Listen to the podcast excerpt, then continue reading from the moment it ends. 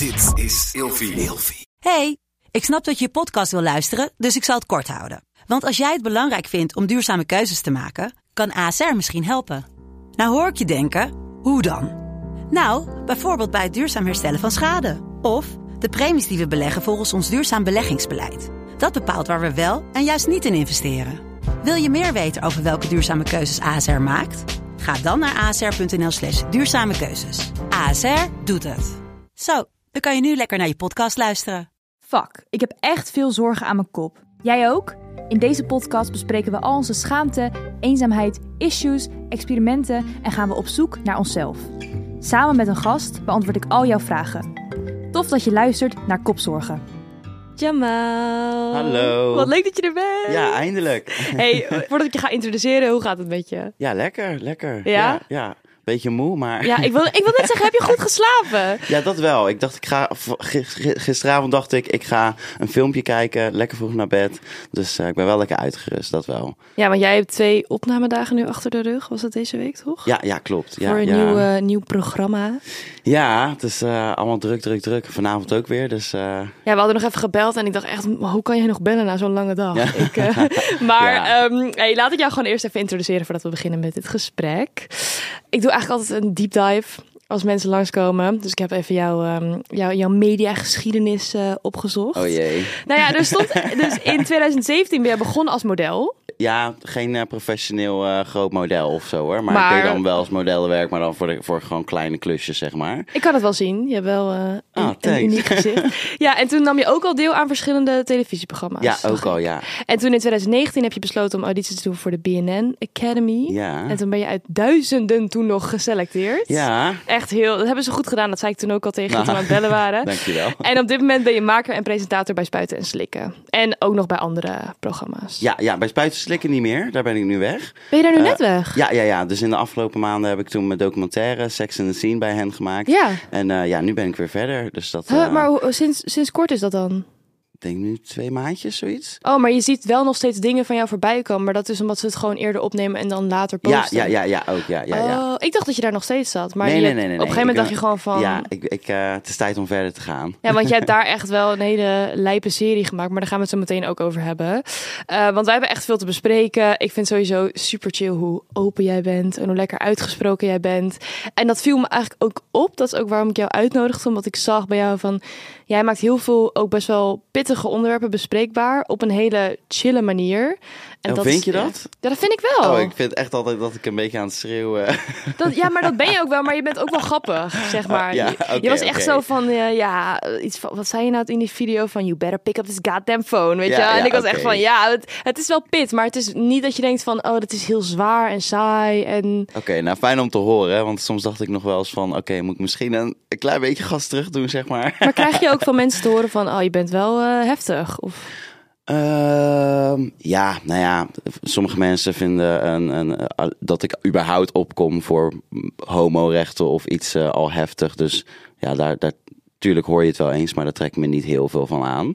Eh, alleen soms dan ben ik met zoveel dingen tegelijkertijd bezig. En dan denk ik, ja, misschien denken mensen nu van... Jezus, is er niks goed aan deze wereld of zo, zeg maar. Oh nee, dat heb ik helemaal niet, want ik vind je eigenlijk ook echt een, een positieve bol met licht, als ik je zo... eh, Nou, kijk, zo heb ik nog nooit genoemd. Nee, ja, maar- ja, maar dat, ja, maar dat vind een ik... bol dat, met licht. Nou, want ik, als ik dan met jou praat, je bent niet altijd aan het klagen of zo. Je, Nee. bent, je maakt je gewoon hard voor bepaalde onderwerpen. Maar dat vind ik eigenlijk alleen maar goed. En dat doe je ook in je werk. Maar wat ik me ook afvroeg is, ben je dan altijd zo open geweest? Of is dat op een gegeven moment dan zo'n rebelse kant naar boven gekomen van... fuck deze shit, ik ga me niet langer inhouden. Nee, ik ben, ik ben niet altijd zo open geweest. Ik denk eh, dat ik tot mijn twintigste... eh, dat ik best wel mezelf altijd op de achtergrond heb gehouden. Ook omdat ik natuurlijk nog niet uit de kast was. Dus ik was altijd bang als ik echt mezelf zou zijn... dat mensen dan zouden merken dat ik eh, homoseksueel was. Ehm, dus wat dat betreft heb ik eigenlijk tot mijn twintigste... ben ik niet zo uitgesproken geweest. En ja, daarna ben ik eigenlijk eh, eh, ja, ben ik steeds opener geworden. Steeds meer gaan praten over verschillende situaties. Dus eh, ja, het komt met de tijd. Dus op je twintigste kom je ook echt uit de kast. Ja, ja, ja, ja. ja. En hoe oud ben je nu? Bijna 27. Oh ja, dus dat is wel echt wel weer een tijdje geleden. Ja, Hoe was dat toen? Ja, heel anders dan ik had verwacht. Ik denk dat als je, tenminste, ik als kleine jongen dacht altijd van nou, als, eh, als ik uit de kast kom, dan vergaat de wereld echt. Dan, eh, dan haat iedereen mij of iets. Eh, Nee. ja, dan word je nageroepen op straat. Dan, dan ben je zo'n vieze homo, dacht ik, zeg maar. En toen ik eenmaal uit de kast was gekomen, eh, toen merkte ik eigenlijk dat ik, nou, zo- zoals ik nu mijn leven leef, ben ik gewoon heel gelukkig en ook bl- blij dat ik mezelf kan zijn.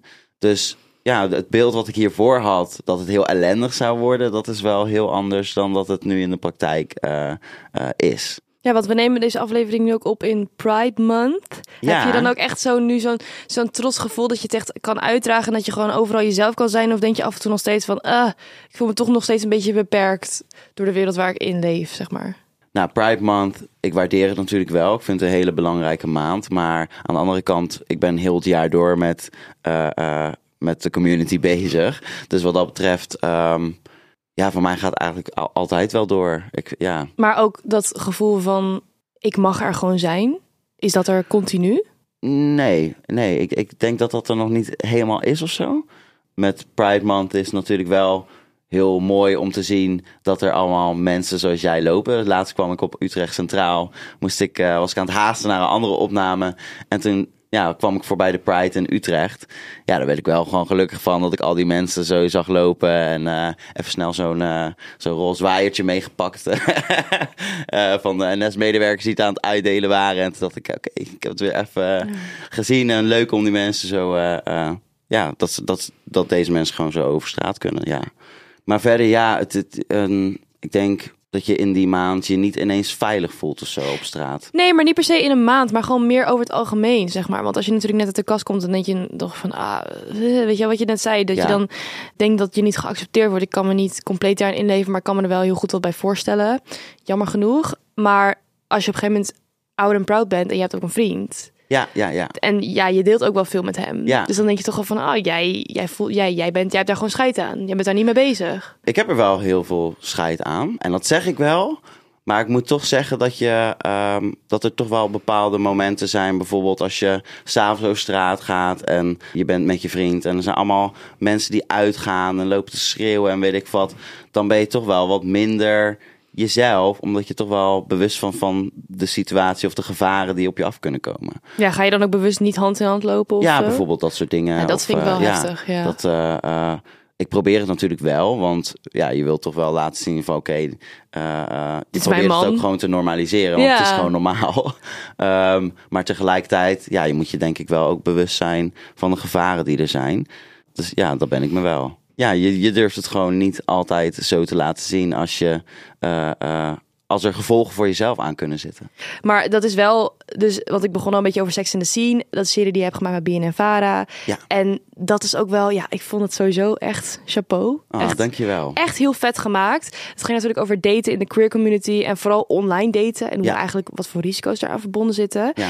En daarin was je ook heel erg open over jouw ervaring met een catfish. Ja.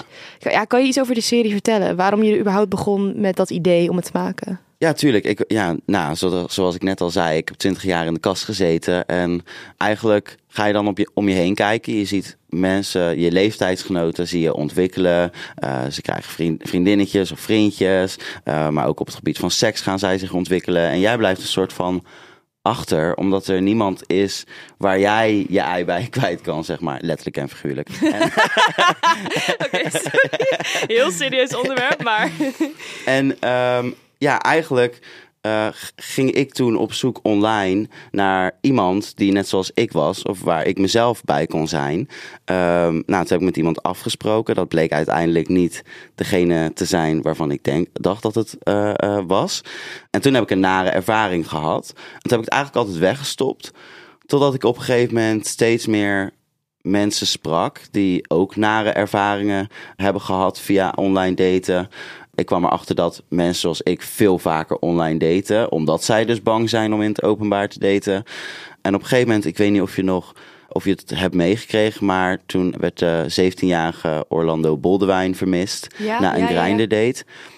En toen had ik al een beetje het gevoel van ja, het is een, het is een donkere tiener. Een beetje mijn leeftijd toen ik ook uh, op die online date ging. En uh, deze jongen werd niet meer teruggevonden. Uiteindelijk is hij ook dood in het water aangetroffen. Ja, en toen besefte ik me pas van ja, hoeveel gevaar, hoe gevaarlijk zo'n date kan zijn. En um, dat we eigenlijk in een maatschappij leven die dus zegt van... hé, hey, je mag niet jezelf zijn. En daardoor gaan jongeren zoals ik stiekem daten. En stellen zij zich eigenlijk bloot aan gevaar. Want een ieder met kwade wil, die kan op die app zitten... en gebruik maken van kwetsbare jongeren. Omdat zij weten dat nou, ze zijn toch niet uit de kast. Dus zij gaan toch niks ondernemen wanneer hen iets overkomt. Zij gaan geen aangifte doen, want dan moet je uit de kast komen. Ja. Snap je dus? En dat weten die predators, weten dat ook. Ja, dus of je nou iemand wil beroven of uh, seksueel wil, wil, misbruiken. Heel veel mensen weten dat, gaan bewust op die app om, om misbruik te maken van kwetsbare jongeren. Uh, zoals ik of een Orlando of nou, veel andere slachtoffers. En daarom dacht ik wij krijgen geen seksuele voorlichting hierover. Dus ik denk dat voordat jongeren zoals ik in zo'n online wereld stappen, dat ze uh, bewust moeten zijn van deze gevaren. En dat probeerde ik in die serie dus aan te tonen. Ja, maar dan word je wel, denk ik, dan heel erg geconfronteerd met je eigen ervaring. Want eigenlijk hou je alles weer naar boven. Ja, het was ook, uh, uh, nou ja, het was natuurlijk, ik, ik deelde mijn verhaal ook van wat er op die date is gebeurd. Daar schaamde ik me heel erg voor. Ik heb dat nu grotendeels wel losgelaten, maar toch is daar nog steeds een stukje schaamte.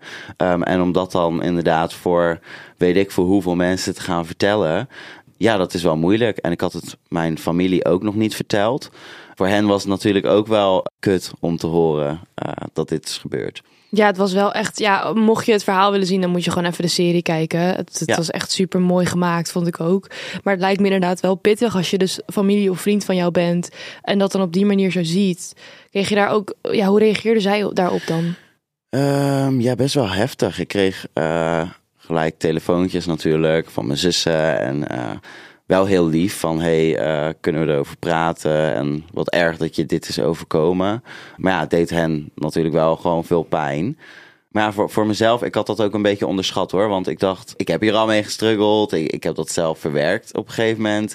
En dan, dan denk je er iets van makkelijker over na om het dan te vertellen. Maar dan ben je er, ik was er gewoon minder bewust van dat andere mensen daar wel nog van kunnen schrikken. Ja, um, ja en het is logisch dat ze daarvan schrikken, ja hoezo dacht je niet van voordat ik de serie drop, geef ik ze een kleine.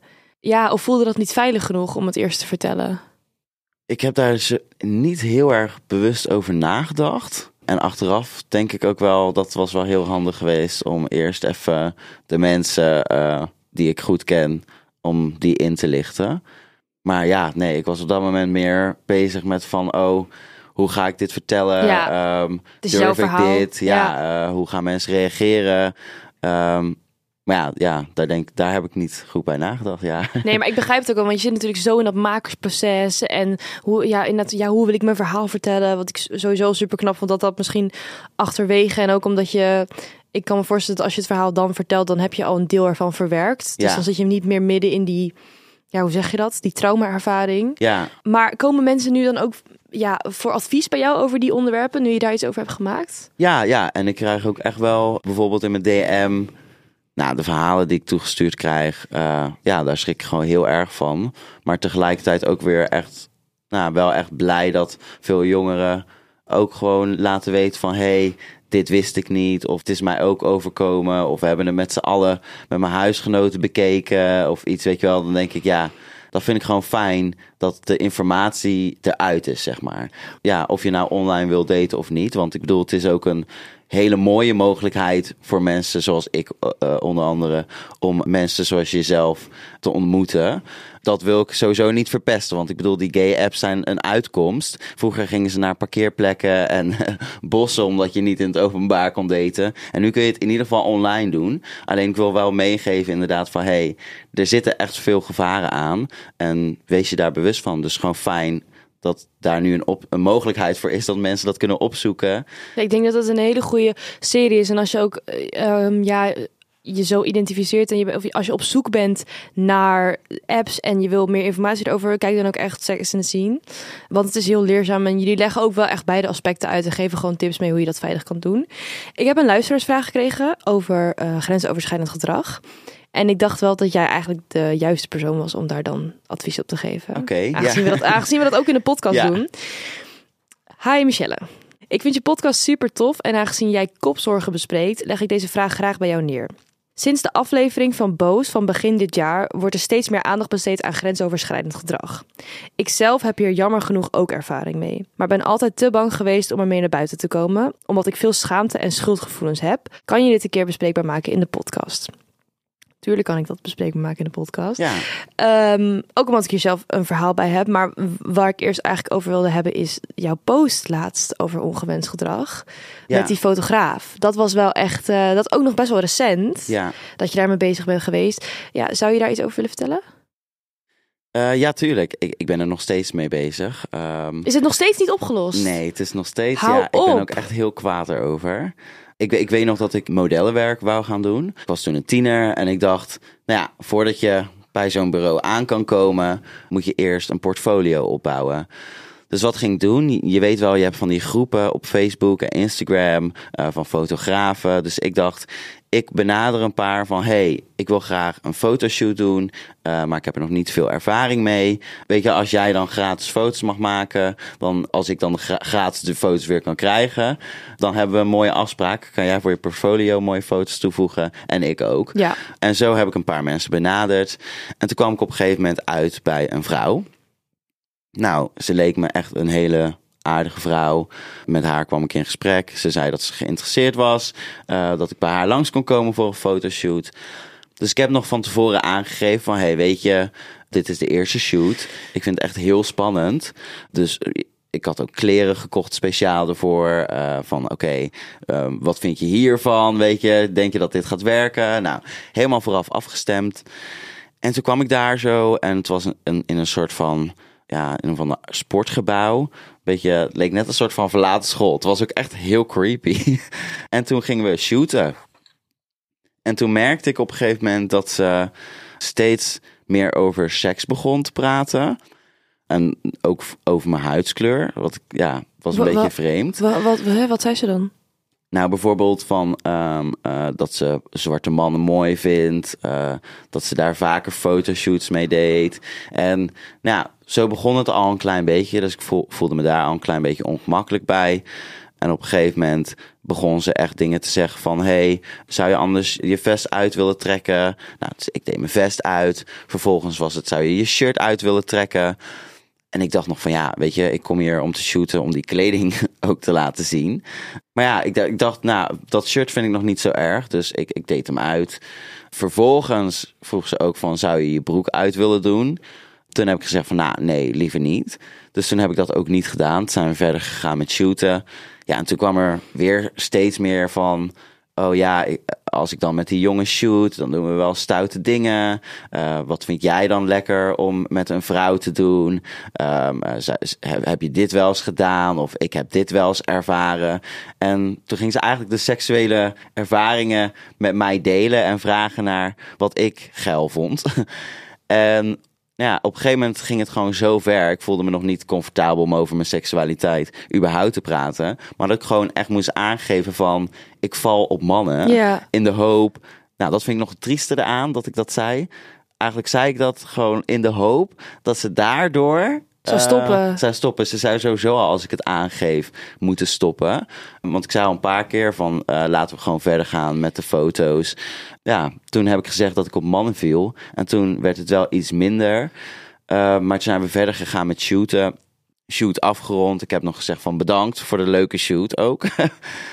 Dacht je dat op dat moment ook van dit was leuk? Of had je al zoiets van, nou ik zeg het wel gewoon, want het is een soort van, ja... Nee, ja, ik, heel bizar. Want ik ging laatst het gesprek teruglezen van... Oh, hoe ging dat ook? Hoe heb, wat, wat heb ik daarna nog gezegd? En toen zag ik dat ik gewoon had gestuurd van... Hey, leuke. Dus ja, waarschijnlijk had ik zoiets van... Laat ik die ongemakkelijkheid maar uit de weg gaan... en gewoon zeggen, hey, prima, bedankt. En toen heb ik de foto's gekregen. En toen dacht ik ook, nou ja, oké, fijn dat ik die leuke foto's er nog aan over heb. Maar ja, er zaten er ook foto's tussen waar ik gewoon zonder shirts op sta. En waarbij je overduidelijk ziet hoe ongemakkelijk ik me voel. Dus daar was ik wat minder blij mee. En destijds had ik nog niet echt door dat dit seksueel overschrijdend gedrag was. Ik vond het wel heel awkward en vervelend natuurlijk. Maar ik had de situatie gelaten voor wat het was. En eigenlijk pas door de jaren heen begon ik steeds meer te denken van... Wat, wat, een, wat een rare actie was dat. Wie, Ja. doet, wie gaat er nou op zo'n manier met een tiener om... die voor de eerste keer een fotoshoot heeft... en duidelijk laat zien van... hé, hey, ik wil deze kleding laten zien... om dan te gaan pushen, steeds maar te blijven pushen... om zijn kleren uit te doen... om steeds maar over seks te beginnen... en me eigenlijk zo oncomfortabel laten voelen daarbij ja, ik, ik kon me gewoon niet voorstellen van welke ervaren fotograaf gaat zo met een tiener om die voor de eerste keer een fotoshoot heeft. Ja, en dat begon me gewoon te storen. En toen ik in de media, ja, nu dat ik in de media werk, zag ik op een gegeven moment dat ze gewoon die foto's opnieuw ging posten. En toen dacht ik, nou, nu ga je ook nog eens zeg maar mijn naam gebruiken, een soort van voor je eigen portfolio. Toen jij een naam kreeg, ging ze het posten. Ja, dus toen ik bij BNNVARA aangenomen werd, ging ze ineens die foto's online zetten. Zo. Ehm, terwijl het al van jaren terug was ook. Dus ik had eigenlijk al zoiets van: oké, ik had die foto's achter me gelaten. Maar ja, nu, nu blijft het gewoon doorgaan weer. Ja, en toen had ik zoiets van: oké, ja, ik ga er maar wat van zeggen, denk ik. Dus toen heb ik er eh, via Instagram een bericht gestuurd van: hey, ik heb eigenlijk wel een, echt een nare ervaring eh, gehad aan die fotoshoot. Zou je de foto's weg willen halen? Nou, heeft ze gelezen. Het heeft me gewoon direct geblokkeerd. Ja, Wat een... Oh, ik ga En- niet schelden. Je moet je voorstellen dat als je je. Want je gaat natuurlijk denken van ja.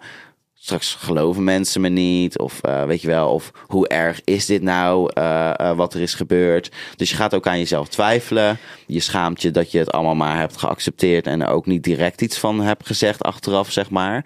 Dus nou ja, ik zat er met hartkloppingen dat bericht naar haar te sturen. Nou, en dat ze je dan gewoon blokkeert. Ja, dat is gewoon natuurlijk een klap in je gezicht.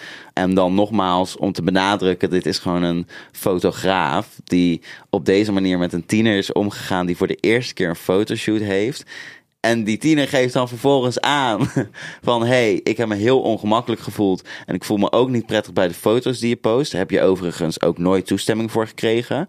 En daar heb je gewoon scheid aan. Dan denk je, ja, wie gaat er nou op zo'n manier met mensen om? Dus toen dacht ik, nou ja, ik heb je ook gewoon op Facebook, dus ik ga gewoon... Maar was dat niet voor jou een bevestiging toen ze dat deed van... Ah, zie je nou wel, jij weet dat je wat fout hebt gedaan. Want je zegt niet van, oh, sorry, dit, dat. Dat is toch juist Ja. een rode vlag? Ja, ik weet niet wat zij dacht. Ik dacht, Zij dacht, is dit uit kut. paniek? Is dit omdat ze denkt inderdaad van, eh, kut, het is gebeurd. Heeft ze gewoon totaal scheid aan wat eh, eh, mij is overkomen bij haar. En denkt ze, nou ja, prima wat jij voelt, maar mij niet lastigvallen ermee. Ja. Dus geen idee wat ze, wat ze daarover dacht. Maar ik denk, ja, ik ga gewoon eh, eh, naar Facebook toe. En dan ga ik je daar ook gewoon een bericht sturen. Dus ik zag dat ze online was.